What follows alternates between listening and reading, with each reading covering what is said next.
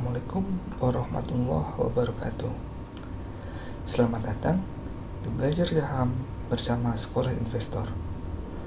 Kali ini bersama saya Arif Irawan Kita akan membahas kisah sukses dari investor ternama.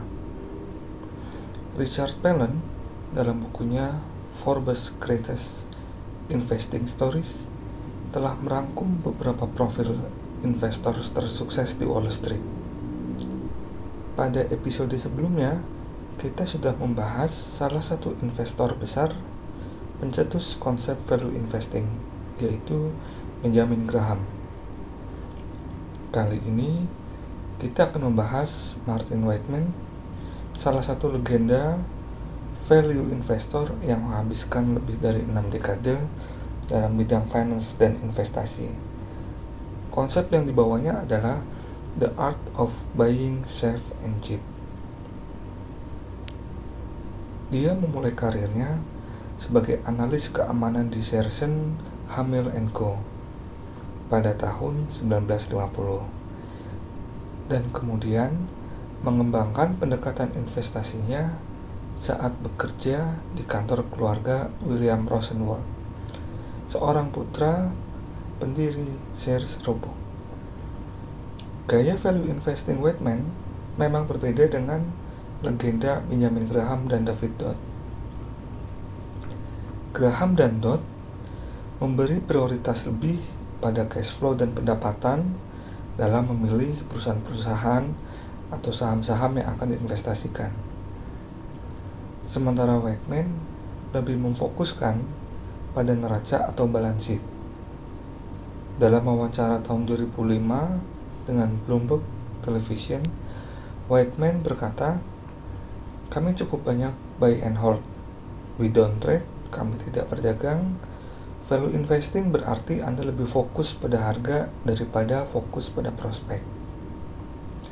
Saat ini, manajemen harus dinilai tidak hanya sebagai pelaksana dari bisnis yang sedang berjalan, tetapi juga sebagai investor yang terlibat dalam mengembangkan aset.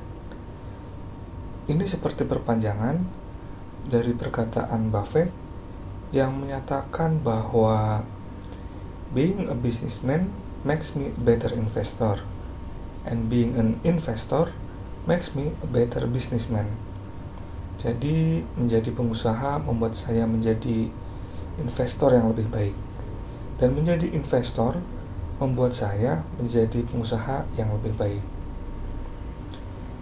Whiteman mencoba mencari pengalaman untuk menguatkan teorinya tersebut. Dia kemudian membantu menyusun industri neighbors yang sedang dalam kebangkrutan dan ternyata sekarang perusahaan tersebut merupakan salah satu kontraktor pengeboran minyak terbesar dan terbaik di dunia. Dalam prosesnya, Whiteman memastikan bahwa Nabor harus bisa keluar dari hutangnya.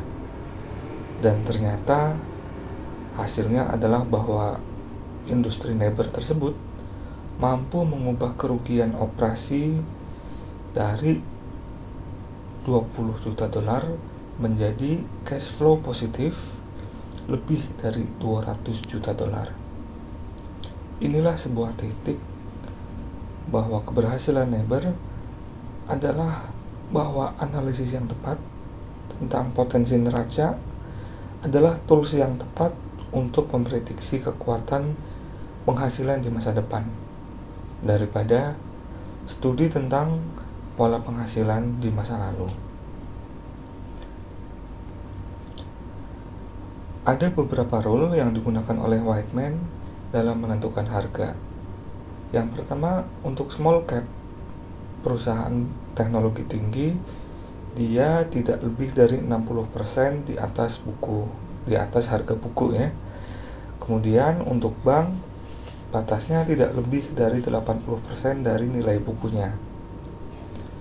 Kemudian untuk manajer keuangan, Whiteman melihat ke aset yang dikelolanya dia tidak akan membayar lebih dari 2-3%. Kemudian untuk perusahaan real estate, dia lebih suka nilai diskon yang dinilai daripada nilai bukunya. Seperti halnya Graham, pada akhirnya Whiteman juga terjun ke dalam dunia akademis. Mengajar membuat Whiteman menjadi lebih sistematis dalam teori value investing. Itu membuat dia terus berpikir dan melakukan riset.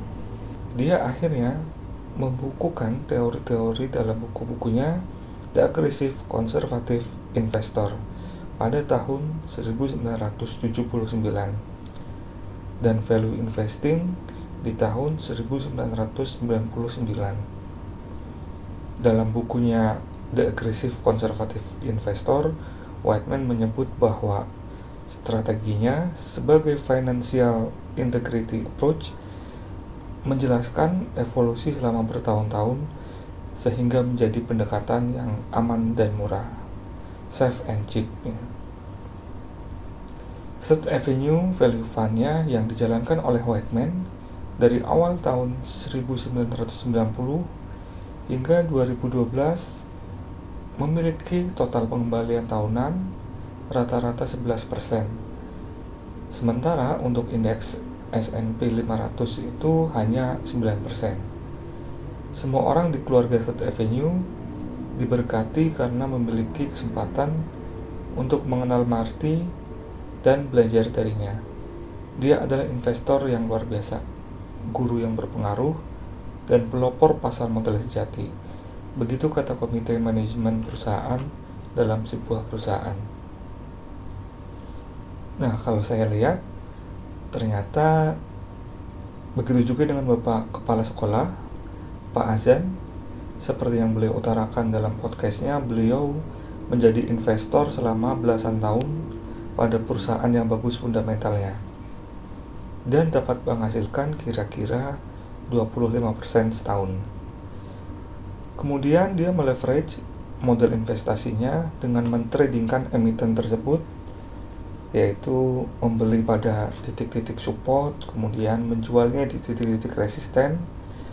Ternyata hasilnya justru lebih tinggi ya. Lebih dari dua kali lipat dibandingkan hanya didiamkan saja. Akhirnya beliau pun terjun ke dunia akademisi namun bukan dalam universitas resmi melainkan membangun sebuah komunitas sekolah investor atau komunitas detik yaitu Defensive Technical Investor Club. Di sekolah ini kami diajarkan untuk melihat investasi atau trading berdasarkan fakta saintifik bisa dipelajari, bisa diukur sehingga dunia saham itu tidak menjadi tak menentu atau orang bilang khoib atau hanya sekedar gambling. Graham punya 10 poin guidance dalam mencari emiten dan begitu juga Whiteman memiliki role tersendiri yang agak berbeda dengan Graham meskipun berujung pada hal yang sama yaitu value investing. Nah, kami pun di sini di sekolah investor juga memiliki 10 rule yang digunakan untuk mencari saham terbaik yang telah dirumuskan oleh Pak Kepala Sekolah dan tim fundamental yang tentunya bisa lebih cocok dengan kondisi market di Indonesia karena ini juga dibuat berdasarkan riset-riset yang ada di pasar modal Indonesia atau IHSG. Beberapa di antara indikator yang digunakan di sekolah investor misalnya pertimbangan terhadap PER, revenue, net profit margin, return of equity, market cap, dan lain-lain. Demikian dari saya. Sekian, saya Arif Irawan. Wassalamualaikum warahmatullahi wabarakatuh.